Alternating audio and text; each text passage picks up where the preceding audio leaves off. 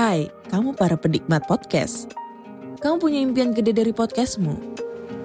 Terus First Story bisa banget bantu kamu. Mulai dari F-Link, Dynamic Audio Insertion, sampai statistik yang komprehensif. Semua ada di First Story. Gak ketinggalan kamu bisa monetisasi podcastmu lewat iklan dari First Story Ads yang bisa kasih kamu penghasilan dari setiap place podcastmu. Yuk gabung sekarang dengan klik di firststory.me. Sekali lagi, klik di firststory.me. Mari kita bawa mimpi podcastingmu menjadi kenyataan.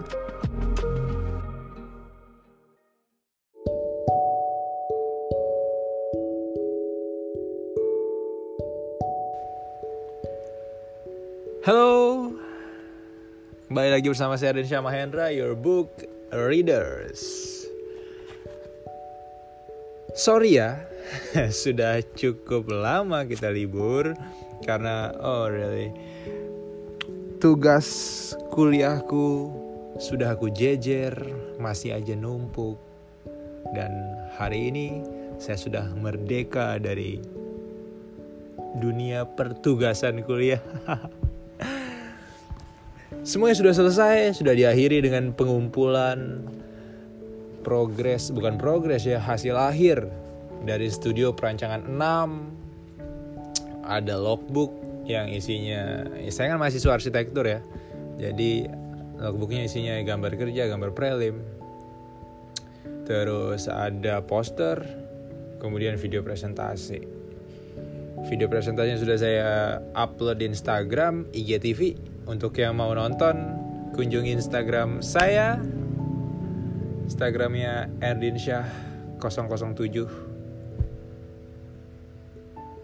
Ya, kalau mau sih, yaudah. Oke, pada episode kali ini saya akan membacakan kisah yang sangat saya tunggu-tunggu juga ya. Maksudnya saya juga menantikan kesempatan untuk membaca kisah si Mary Bell, pembunuh berantai yang baru berusia 11 tahun.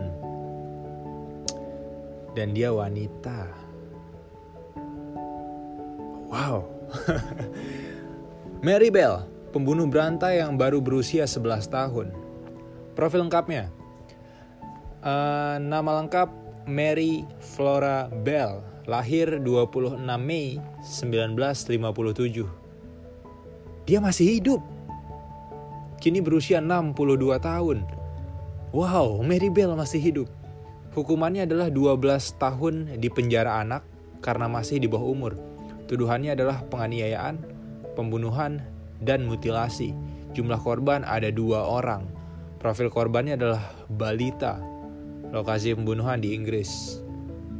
Oke, tadi sempat saya mikir ini 11 tahun gimana cara bunuhnya, gimana cara dia membunuh orang gitu dengan fisik yang masih 11 tahun gitu kan masih belum kuat ternyata korbannya balita. Dan jumlah korbannya juga cenderung bisa dibilang tidak sebanyak pembunuh berantai lain ya. Korbannya dua orang. Dua orang tapi masuk kategori pembunuh berantai. Mari kita simak kisahnya. Mary Bell punya sebuah kutipan ya. Murder isn't that bad. We all die sometime anyway. Oke, okay. pembunuhan. Aku nggak tahu dia meng mengeluarkan kalimat ini kapan ya. Apakah setelah kasusnya terkuak atau setelah dia sudah cukup dewasa? Pembunuhan tidak tidak seburuk itu. Kan kita semua akan mati pada akhirnya. dia bilang kayak gitu. Pada tahun 1968, masyarakat Inggris dikejutkan dengan peristiwa mengerikan yang dilakukan oleh seorang anak perempuan berusia 11 tahun. Tidak hanya berupa kenakalan pada umumnya, ia bahkan tega menganiaya, membunuh dan juga memutilasi anak lainnya. Ia sempat meninggalkan pesan pembunuhan, tapi malah dianggap coretan anak kecil biasa oleh pihak kepolisian. Latar belakang Mary Bell Bernama lengkap Mary Flora Bell ia lahir pada tanggal 26 Mei 1957 di Inggris. Mary lahir ketika ibunya yang bernama Betty McCricket berusia 17 tahun. Ibunya bekerja sebagai seorang pelacur, tidak menikah dan dalam keadaan yang tidak stabil secara mental ketika Mary lahir. Billy Bell diakui sebagai ayah dari Mary Bell. Meskipun hal tersebut masih belum bisa dipastikan, Billy adalah seorang kriminal kambuhan. Ia juga pernah ditangkap akibat perampokan bersenjata. Billy juga tidak bekerja dan sering memiliki masalah rumah tangga dengan Betty ketika menikah. Hampir dibunuh oleh ibu kandungnya. Beberapa catatan dan kesaksian dari anggota keluarga menunjukkan bahwa Betty Ibu kandung dari Mary Bell pernah beberapa kali berusaha untuk membunuh Mary ketika ia masih sangat kecil. Bahkan Betty membuat beberapa peristiwa yang terlihat seperti kecelakaan atau hal yang kelihatannya tidak disengaja. Sebagai contoh, Mary pernah secara tidak sengaja, dalam tanda kutip tidak sengaja, meminum obat tidur dan jatuh dari jendela ketika masih sangat kecil. Dalam sebuah kesaksian, Mary juga bercerita bahwa ia sering menjadi sasaran pelecehan seksual yang dilakukan oleh ibunya ataupun teman ibunya. Bahkan ibunya pernah memaksanya untuk berhubungan seksual dengan laki-laki dewasa ketika berusia lima tahun. Uh, Oke, okay. so oke. Okay. Uh, Betty Ibu Mary Bell sebenarnya terlahir dari keluarga yang religius, bahkan oleh keluarga yang sempat diperkirakan akan menjadi seorang biarawati karena sejak kecil menunjukkan minat di sana. Namun perjalanan hidupnya berkata lain. Ketika ayah Betty meninggal, ia menjadi kecanduan terhadap obat-obatan hingga hampir overdosis. Pada akhirnya ia terjerumus dalam dunia prostitusi dan menjadi seorang pelacur penolakan atas kehadiran Mary Bell. Seperti yang sudah disampaikan sebelumnya, Mary lahir ketika kondisi Betty tidak siap secara mental. Bahkan ketika Betty tidak berhasil membunuh Mary dalam beberapa percobaan pembunuhan yang ia lakukan, Betty juga berusaha menyingkirkan Mary dengan memberikannya ke kerabatnya. Betty juga pernah memberikan Mary kepada seorang wanita yang ingin mengadopsi anak secara ilegal untuk kemudian dibawa ke luar negeri. Namun, hal ini diketahui oleh kakak dari Betty. Ia kemudian mengikuti wanita tersebut dan berhasil merebut kembali Mary Bell untuk dikembalikan kepada Betty. Tapi kita tidak akan pernah tahu apa yang terjadi jika Mary Bell dididik dengan cara yang berbeda dari orang yang berbeda pula. Uh, sebentar, Betty kan mau ngasih si Mary kepada seorang wanita yang ingin mengadopsi anak kan. Tapi kan kalau di barat bisa dibilang adopsi anak itu harus secara legal. Jadi harus melalui proses hukum yang legal lah karena mereka kan tidak menggunakan syariat Islam ya. Dalam arti eh, anak angkat pun akan dapat warisan nah untuk mendapatkan warisan dan bla bla bla blanya itu dan agar tidak ada hal semacam eksploitasi terhadap anak atau semacam itu sehingga hal-hal tersebut hal-hal yang uh, berkaitan dengan adopsi anak atau sebagainya gitu yang yang kayak kayak gitulah itu harus diatur oleh hukum gitu. Kalau di Amerika kalau di Barat lah di di Barat secara umum gitu. Ini kan di Eropa ya di Inggris nah uh, kemudian tapi kakaknya si Betty ini mengetahui hal tersebut sehingga dia ngikutin cewek yang ngambil si Mary tadi yang apa namanya yang mau ngadopsi dia terus setelah diikuti terus dia berhasil ngerebut si Mary dibalikin ke ibunya. Maksudnya kan ini ibunya merasa tidak mampu lah ya untuk merawat anak secara mental kan tadi terus kakaknya nemuin bukannya dia ya dia aja yang ngurus gitu. Ya udah aku aja yang ngurus kalau kamu nggak mau. Kalau kamu nggak sanggup gitu. Seharusnya kayak gitu. Tapi ini malah diambil terus dikasih lagi ke Betty. Maksudnya kalau dia emang juga nggak mau ngurus ya udah biarin aja orang lain yang bawa gitu. Gimana sih kakaknya si Betty ini? Ngerepotin aja. Melihat banyak kekerasan dari lingkungan Maribel tumbuh dari keluarga yang tidak harmonis dan ibu yang belum siap mengasuhnya Selain berbagai kekerasan seksual dan percobaan pembunuhan sejak kecil, Mary juga tumbuh di lingkungan yang mengalami tekanan ekonomi pada masa itu. Ia sering kali melihat pertengkaran di sekitar rumahnya. Kekerasan dan pencurian juga adalah hal umum yang terjadi di sana. Dampaknya, ia tumbuh menjadi anak yang kasar dan sulit dikendalikan. Bahkan pada usia 2 tahun, Mary sudah menunjukkan penolakan terhadap hubungan sosial. Ia menjadi anak yang dingin dan acuh. Mary juga tidak pernah menangis ketika jatuh ataupun terluka, karena ia menganggap menangis sebagai bentuk dari kelemahan. Dampaknya, kekerasan juga mulai muncul. Ia sering kali menyerang teman sebayanya bahkan pernah mematahkan hidung pamannya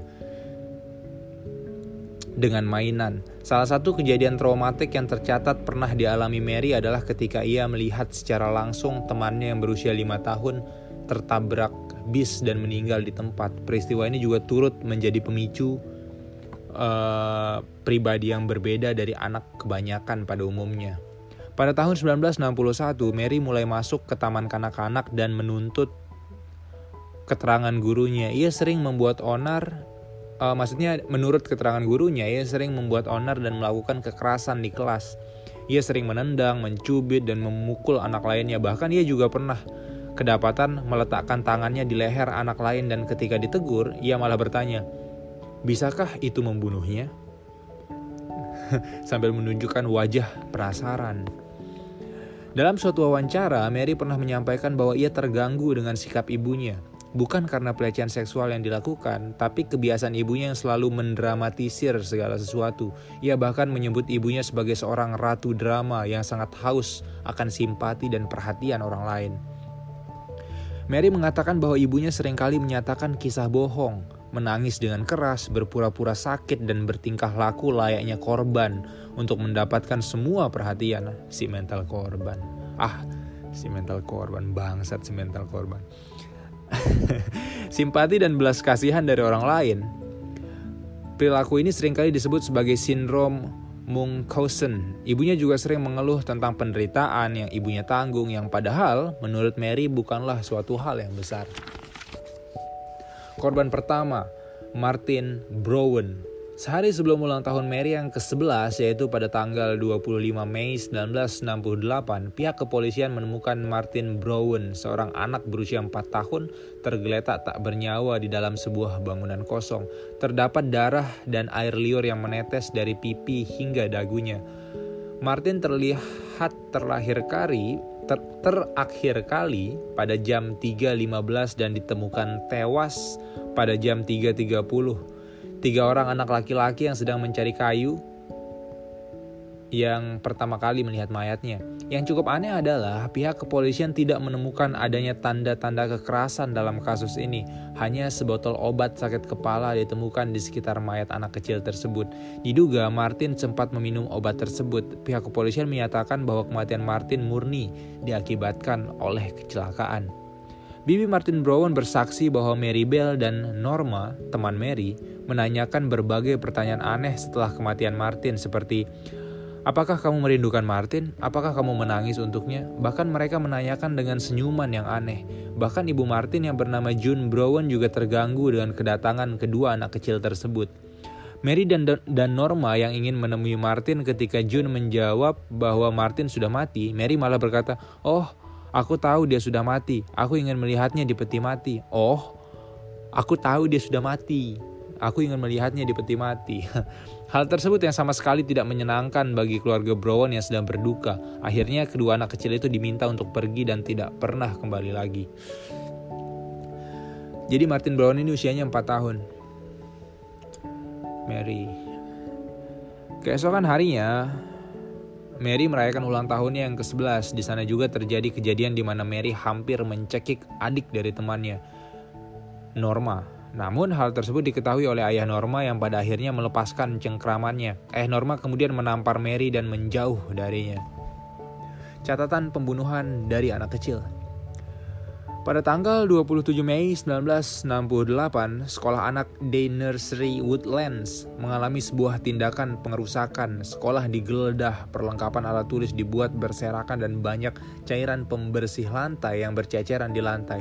Tapi satu hal yang cukup mengganggu adalah ditemukan empat catatan kejam yang berisi mengenai pembunuhan Martin Brown. Catatan tersebut tertulis di beberapa kertas dengan tulisan anak-anak dalam tanda kutip anak-anak yang berisi I murder so that I may come back. Aku membunuh, jadi aku bisa kembali lagi. Fuck off, we murder. Watch out, funny and faggot. Kami membunuh, berhati-hatilah, funny dan faggot. We did murder Martin Brown. Fuck off you, bastard. Kami memang membunuh Martin Brown. Persetan denganmu. You are you are my sea. You because we murdered Martin, go you behead. Look out, there are murders about by Fanny and out of fagot you screws. Ini tulisannya benar-benar ngacak-ngacak gitu di kertasnya. Jadi uh, di buku ini juga tulisannya sesuai isi tulisan di kertas, tidak di apa namanya tidak diterjemahkan atau tidak di nggak dirapiin gitu tulisannya. Ngikutin aja you are misi ye because tulisannya. Mungkin dia mau nulis because ya tapi because we murdered Martin go you behead. Behead itu apa ya? Behind mungkin atau oke okay lah Polisi kemudian membawa catatan tersebut dan menganggapnya sebagai lelucon anak-anak. Maribel juga mengakui bahwa ia menulis catatan tersebut sebagai bahan candaan. Ia dan Norma membobol sekolah lalu melakukan sejumlah pengerusakan dan menulis catatan tersebut. Pada hari yang sama, Mary juga menggambar dalam buku catatan mengenai bagaimana pol posisi Martin ketika meninggal dan sebuah botol yang berada di sampingnya. Seminggu kemudian, Mary kedapatan menendang dan memukul temannya. Ia juga berteriak, "Aku pembunuh!" sambil menunjuk ke arah tempat di mana Martin Brown ditemukan tewas, tapi tidak ada yang menanggapinya dengan serius. Korban kedua, Brian Howie, 3 tahun. Beberapa minggu setelah pembunuhan pertama, tepatnya tanggal 31 Juli 1968, pihak kepolisian kembali menemukan mayat seorang anak kecil bernama Brian Howie yang masih berusia 3 tahun. Brian ditemukan di daerah industri tempat di mana beberapa anak sering bermain di sana. Namun kali ini ada sejumlah luka aneh terdapat di tubuh Brian. Terdapat tusukan di bagian paha, alat kelaminnya terpotong, rambutnya diambil sedikit dan di bagian perut terukir huruf M Pihak kepolisian juga sempat menemukan sebuah gunting rusak di dekat mayat Brian. Polisi kemudian melakukan penyelidikan mendalam dengan mewawancarai sejumlah anak dengan usia 3 hingga 15 tahun yang berada di sekitar lokasi mayat ditemukan. Dari sejumlah anak yang diwawancarai, terdapat hal yang aneh pada Mary dan Norma. Mereka tersenyum dan tidak menanggapi pembunuhan sebagai hal yang mengerikan, bahkan menganggapnya sebagai lelucon. Mary dalam keterangannya kepada polisi juga menyatakan bahwa ia melihat seorang anak laki-laki bersama dengan Brian.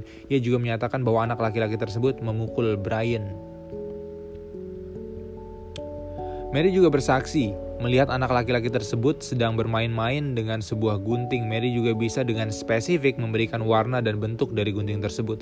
Setelah diselidiki lebih lanjut, ternyata anak laki-laki yang dituduh Mary tidak sedang berada di lokasi dalam kurun waktu pembunuhan dan secara tidak langsung dengan mendeskripsikan gunting, Mary sudah melibatkan dirinya. Ia mengetahui bahwa barang bukti dalam pembunuhan tersebut. Nah ini juga bocah. Tentu dia tidak sadar sedang menjerumuskan dirinya ke dalam sebuah lubang. Polisi menduga setidaknya Mary atau Norma melihat pembunuhan atau malah salah satu dari mereka terlibat dalam pembunuhan Brian.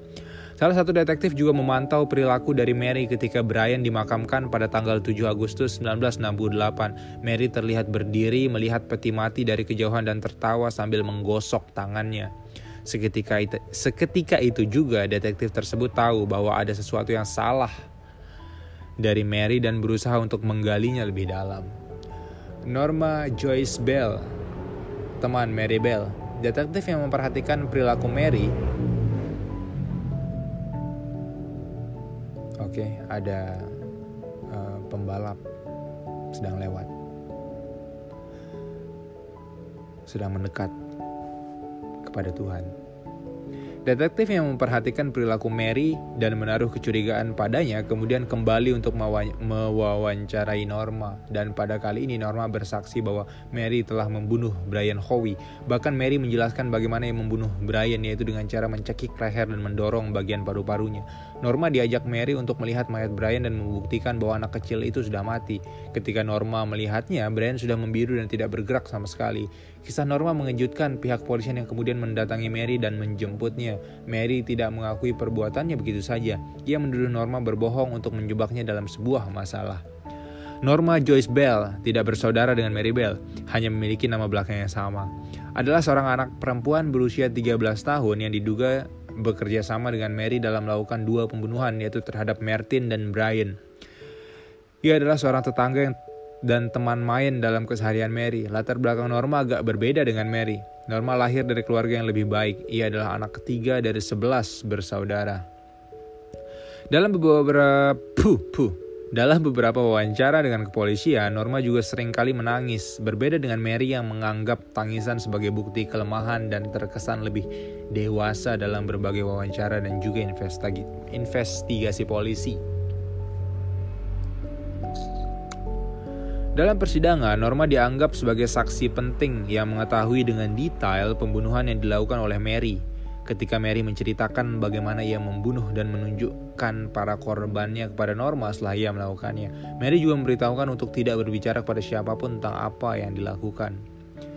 Bertolak belakang dengan kesaksian Norma, Mary menuduh bahwa Norma adalah pembunuh yang sesungguhnya. Ia menyatakan bahwa Norma adalah orang yang yang meremas tenggorokan Brian dan memotong alat kelaminnya. Hal ini menjadi menarik karena kedua anak perempuan ini menjadi saling tuduh dan lempar kesalahan satu sama lain. Polisi sebenarnya sempat dibuat bingung sekaligus bersimpati terhadap kasus ini mengingat keduanya masih berusia sangat muda namun melakukan kejahatan yang sangat kejam. Persidangan dan hukuman dalam persidangan, Mary Flora Bell dan Norma Joyce Bell dituntut dengan dua dakwaan pembunuhan. Mary tampak tenang dan percaya diri selama persidangan, sedangkan Norma terlihat bingung dan gugup. Melihat setiap bukti yang ada, akhirnya Mary terbukti melakukan dua pembunuhan tersebut tanpa bantuan Norma. Psikiater yang memeriksa Mary juga memberikan keterangan bahwa Mary menunjukkan gejala klasik seorang psikopat. Mary tidak berempati dan menunjukkan rasa bersalah atas tindakan yang ia lakukan. Dalam keterangannya, psikiater juga menyatakan bahwa Mary cenderung berbahaya bagi anak-anak lain seusianya. Pada akhirnya, persidangan Norma diputuskan tidak pada akhir persidangan, Norma diputuskan tidak terlibat terhadap dua pembunuhan tersebut dan pada akhirnya dibebaskan dengan masa percobaan tiga tahun. Pada tanggal 17 Desember 1968, hakim memberikan keputusan bahwa Norma dibebaskan sedangkan Mary dijatuhi hukuman penjara tidak terbatas karena melakukan pembunuhan atas dasar kurangnya tanggung jawab. Hal ini dipertimbangkan mengingat usianya yang masih kecil. Betty, ibu Mary Bell, tercatat berulang kali menjual cerita tentang anaknya kepada sejumlah media dan menjadikannya sebagai berita utama. Setelah beranjak dewasa, Mary dipindahkan ke penjara Moore Court. Setelah sebelumnya ia ditahan di Young Offenders Institution pada bulan September 1977. Mary sempat melarikan diri dari penjara, namun dengan cepat ia tertangkap kembali. Keluar dari penjara dan memiliki anak. Ketika Mary Bell berusia 23 tahun dan menjalani hukumannya selama kurang lebih 12 tahun, ia akhirnya dibebaskan pada tahun 1980. Ia mendapatkan identitas dan nama baru setelah keluar dari penjara untuk menjaga privasinya, mengingat kasusnya yang cukup menyita perhatian publik pada saat itu. Sekitar 4 tahun kemudian, Mary Bell melahirkan seorang anak perempuan pada tanggal 25 Mei 1985. Mary sempat bermasalah mengenai hak asuh. Hak asuh setelah melahirkan anaknya. Hal ini terkait dengan dua kasus pembunuhan yang ia lakukan ketika kecil. Namun akhirnya ia diperbolehkan membesarkan anaknya dengan sejumlah pengawasan. Kehidupan setelah keluar dari penjara. Mary sempat mengalami kehidupan normal karena Mary sempat mengalami kehidupan yang normal karena anonimitas atau anonimi, an, anonymous atau identitas yang terlindungi oleh pengadilan setelah ia keluar dari penjara. Anaknya juga tidak mengetahui masa lalu mengenai apa yang dulu pernah dilakukan oleh ibunya. Sampai pada akhirnya di tahun 1988, Mary ditemukan oleh wartawan dan kembali diberitakan di media. Foto dan kisahnya kembali beredar dan menyita perhatian publik.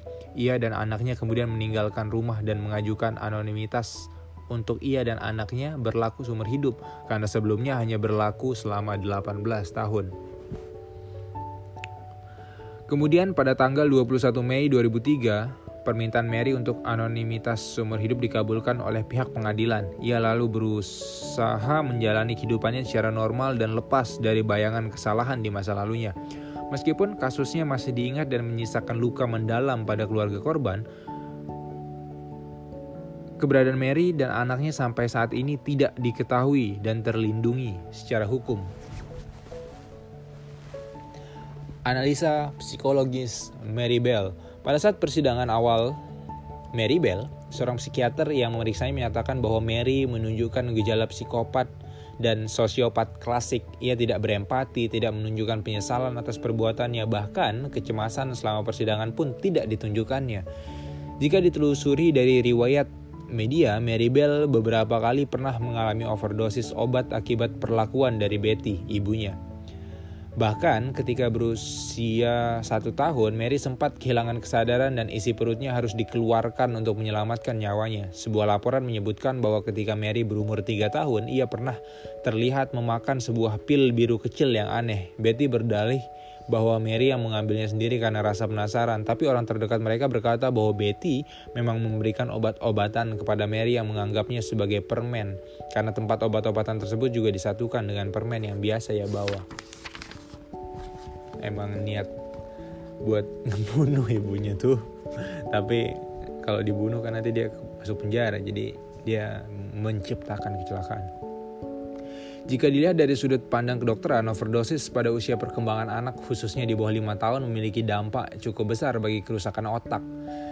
Yang pada waktunya nanti kerusakan tersebut bisa memicu berbagai perilaku abnormal termasuk kekerasan. Kombinasi antara kombinasi antara genetik, perlakuan yang kurang baik termasuk di dalamnya pelecehan, kekerasan, serta kerusakan serius di bagian otak bisa jadi adalah kombinasi awal mula terbentuknya kepribadian yang menunjukkan tanda psikopat.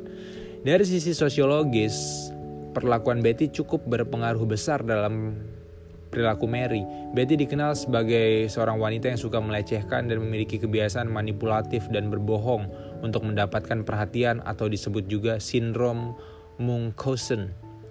Dan sejak dan secara tidak langsung Mary ber dan secara tidak langsung Mary memodel perilaku orang tuanya dan menjadikannya bagian dari dirinya sendiri. Banyak pemerhati anak dan peneliti yang turut menyalahkan perilaku Betty karena secara tidak langsung menciptakan sosok anak kecil yang kejam dan sanggup membunuh. Pada tahun 1972, Betty menampakkan diri pada Betty menampakkan diri dan mulai mengunjungi Mary secara teratur. Ia masih terdapat tapi masih terdapat kebencian dan Mary menuntut ibunya bertanggung jawab atas perlakuan yang dilakukannya selama ini. Betty mengambil kesempatan tersebut dan menjadi narasumber di berbagai televisi, radio, dan juga surat kabar untuk mendapatkan popularitas. Menurut beberapa profiler, selain sindrom Munchausen, Betty juga menderita histrionic personality disorder (HPD) histrionic. Histrionic Personality Disorder atau HPD adalah sebuah gangguan kepribadian di mana seseorang memiliki kecenderungan untuk mencari perhatian, membesarkan emosi, egosentris, dan manipulatif. Gangguan ini dipengaruhi oleh genetik dan pola lingkungan dan sama seperti Betty, Mary juga menunjukkan beberapa ciri dari gangguan kepribadian ini. Menurut buku yang ditulis oleh Gita Sereni yang berjudul Why Children Kill, The Story of Mary Bell yang terbit pada tahun 1999. Mary hidup dalam dunia fantasi yang ia ciptakan sendiri, sama seperti anak lainnya, namun yang membedakannya terdapat bagian kekejaman dan kekerasan yang juga menjadi bagian dari imajinasinya. Dalam sesi wawancara, Mary tampak lebih tua dari usia perkembangan yang seharusnya ia juga cerdas namun manipulatif dan meskipun pernah mengeluh mengenai ibunya yang tampak seperti ratu drama, ternyata Mary juga melakukan hal yang sama dengan ibunya. Ia mendramatisir beberapa hal dan juga melakukan kejaman berupa pembunuhan untuk mendapatkan perhatian yang selama ini tidak secara baik ia dapatkan dari keluarga maupun lingkungannya. Bullying yang berujung pada pembunuhan. Salah satu perilaku yang dekat dengan apa yang dilakukan oleh Mary Bell adalah bullying atau tindakan mengancam, menindas, mengintimidasi orang lain untuk mendapatkan apa yang diinginkan. Mary sudah melakukan tindakan bullying sejak kecil. Ia sering memukul dan menindas temannya. Biasanya perilaku pelaku bullying akan merasa puas ketika mendapatkan kekuasaan atau kontrol terhadap orang lain. Ia akan menjadi lebih berarti dan juga diperhitungkan, merasa bangga atas kekerasan dan juga perlakuannya terhadap orang lain. Seperti tindakan Mary Bell ketika kecil yang berteriak, "Aku pembunuh!" Setelah ia melakukan pembunuhan dan menendang anak lain di tempat bermain, ia menganggapnya sebagai sebuah kesombongan, padahal hal tersebut jauh lebih besar dari kenakalan biasa. Perilaku bullying bukanlah hal sepele, beberapa menganggapnya sebagai sebuah tindakan biasa, padahal jika kita cenderung tidak peduli, ia akan berdampak besar, entah bagi korban atau pelaku, seperti yang juga terjadi pada Mary Bell, yang pada awal kasusnya hanya dianggap sebagai lelucon anak-anak. Jadi si Mary Bell kan pelaku bullying ya. Menurut buku ini uh, jangan pelaku atau korban bullying deh. Kita ambil kata bullyingnya aja atau perilaku bullying atau kejadian bullying. Jadi sebenarnya korbannya atau yang dirugikan bukan hanya korban pada akhirnya. Pelaku bullying itu juga akan mengalami eh, dampak-dampak uh, yang negatif. Dia akan mendapatkan dampak-dampak yang negatif juga gitu. Jadi selain korban pelaku juga sebenarnya mengalami itu uh, atau akan mendapatkan efek-efek negatif dari itu. Sehingga uh, di mana pun kita apa pun posisi kita saat melihat sebuah kejadian bullying apalagi antara anak-anak hentikan. Bukan karena korbannya kasihan tapi karena semua pihak yang ada di sana kasihan. Mereka akan mendapatkan dampak buruk baik pelaku maupun korban. Kurang lebih begitu di Indonesia sendiri, menurut Komisi Perlindungan Anak Indonesia atau KPAI, hingga tahun 2019 masih terdapat banyak kasus bullying, khususnya di dunia pendidikan. Bullying yang terjadi meliputi kekerasan fisik, verbal, maupun seksual. Bullying biasanya diawali dengan tindakan verbal yang berkembang menjadi kekerasan fisik. Dan lebih Parahnya lagi, belakangan ini mulai marak kasus di mana anak didiklah yang menjadi pelaku bullying terhadap gurunya sendiri. Hal ini disebabkan perilaku tersebut yang masih dianggap sebagai suatu hal sepele yang terus dibiarkan. Dampaknya ketika seseorang terbiasa melakukannya, maka itu bisa menjadi pola perilaku dan kebiasaan yang ia lakukan hingga dewasa nanti. Lalu apa yang menyebabkan terjadinya bullying? Banyak yang berpendapat bahwa lingkungan sosial secara tidak langsung membentuk perilaku tersebut atau korban bullying bisa menjadi pelaku bullying sebagai bentuk balas dendam.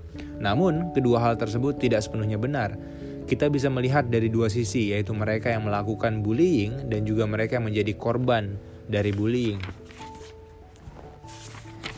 Gen terakhir, penyebab bullying dari sisi korban biasanya adalah hal-hal berikut. Satu, penampilan fisik. Pada saat seseorang tampil berbeda dari orang lain, maka ini akan menjadi sasaran tindakan bullying. Hal ini dikarenakan karena beberapa dari kita tidak dapat menerima perbedaan dengan baik dan tidak diperkenalkan pada indahnya perbedaan sejak dini. Penampilan fisik yang dimaksud uh, bisa karena berat badan berlebih, terlalu kurus, bentuk wajah yang berbeda, menggunakan pakaian terkesan aneh dan hal lainnya. Jadi kita tidak bisa poinnya adalah kita tidak bisa menerima perbedaan dan aku rasa seperti itu sih. Mungkin kita bisa teriak toleransi toleransi toleransi toleransi toleransi.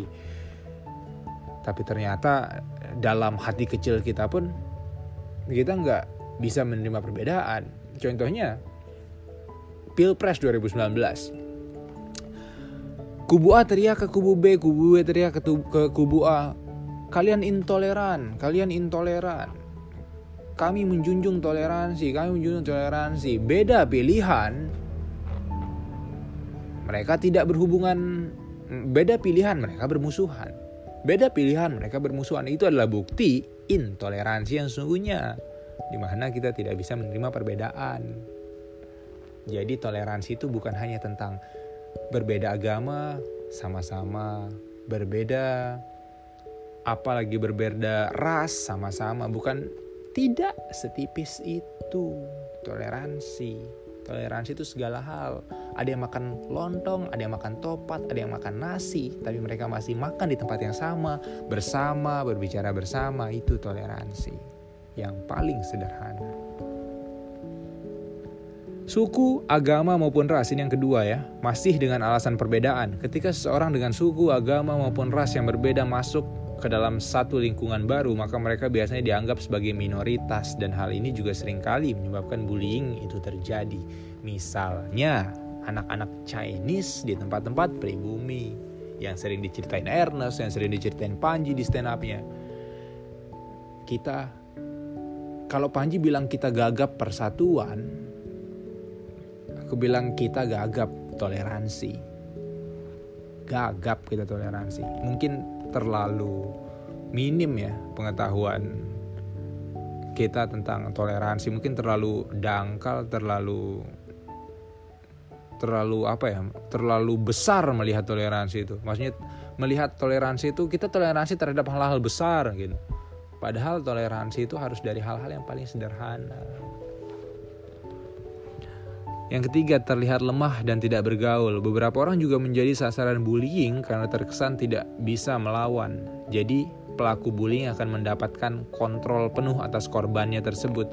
Tidak bergaul juga menjadikannya minim proteksi dari orang terdekat dan bisa diperlakukan dengan semena-mena. Nah, berikutnya adalah penyebab bullying dari sisi pelaku. Biasanya adalah hal-hal sebagai berikut. Satu, cara mengeksplori cara mengekspresikan diri yang salah. Beberapa orang tidak dapat mengekspresikan diri dengan tepat dan memilih melakukan bullying sebagai caranya dalam terlihat kuat, mencari perhatian orang sekitar dan juga diterima oleh lingkungannya. Jadi butuh perhatian, punya kemampuan tapi tidak tahu. Tidak punya wadah mungkin, tidak tahu cara untuk mengekspresikannya. Jadi misalnya yang jago berantem tidak punya wadah untuk mengekspresikan itu ya udah mukul-mukulin orang misalnya. Seandainya dia masuk ke klub ilmu bela diri kemudian jadi atlet itu mungkin arahnya akan lebih baik jadinya. Atau malah dia memang anggota dari hal-hal semacam itu tapi tidak berprestasi sehingga tidak ada yang memperhatikan ya sudah saya pukul anak yang lemah aja jadi aku diperhatiin gitu. Aduh yang kedua, memiliki masalah personal. Salah satu pemicu seorang bermasalah dengan dunia luar adalah faktor dari dalam dirinya. Ia berlaku kejam atau kasar karena merasa perlu melampiaskan setiap permasalahan dan energi negatifnya. Sebagai contoh, seorang korban perceraian, tindak kekerasan di rumah, atau hal lainnya namun jelas hal ini tidak bisa dibenarkan karena rasa sakit yang kita rasakan malah akan semakin parah ketika kita juga menyakiti orang lain. Nah ini maksudnya eh, anak-anak atau mungkin orang yang menjadi korban di tempat lain. Entah itu korban bullying, entah korban kekerasan dalam rumah tangga, entah korban broken home.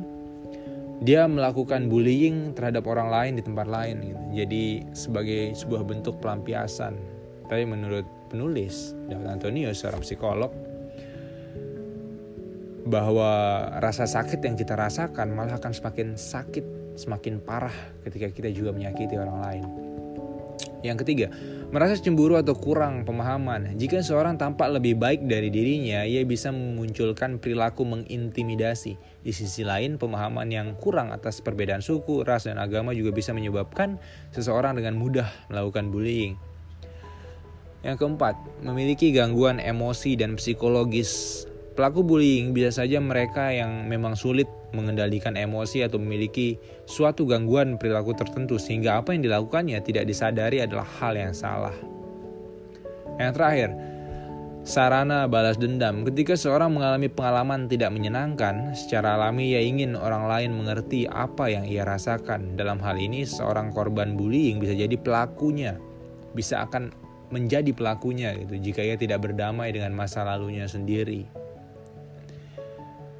Jadi eh, sama ya, misalnya kita merasa sakit hati, kita atau apa ya kita di hmm, diapain ya eh, dikecewakan oleh orang lain misalnya. Jadi kita pengen perasaan kecewa kita ini dimengerti oleh orang lain. Tapi kita tidak mau bicara. Kita nggak mau cerita ke orang. Mungkin kita malu mungkin kita uh, memang memang bukan tipe orang yang suka cerita yang suka curhat. Sehingga supaya kamu tahu nih apa yang aku rasain aku lakuin aja itu ke kamu atau ke orang lain supaya tahu nih gini loh perasaanku gitu. Mungkin kamu harus learning by doing gitu sehingga dan itu kan sakit hati ya jadi maksudnya mungkin tidak separah bullying. Jadi orang-orang korban bullying mungkin untuk supaya orang lain tahu nih gini loh rasanya dibully. Ya dia bully orang lain itu yang lebih lemah menurutnya. Baik cukup kisah Mary Bell dan analisis psikologis dari Mary Bell yang mengalami histrionic personality disorder HPD sampai ketemu di episode berikutnya. Ada Ed Gain collector tulang, dan kulit korbannya. Wah, parah nih. Sampai jumpa di episode berikutnya. Dah. thank you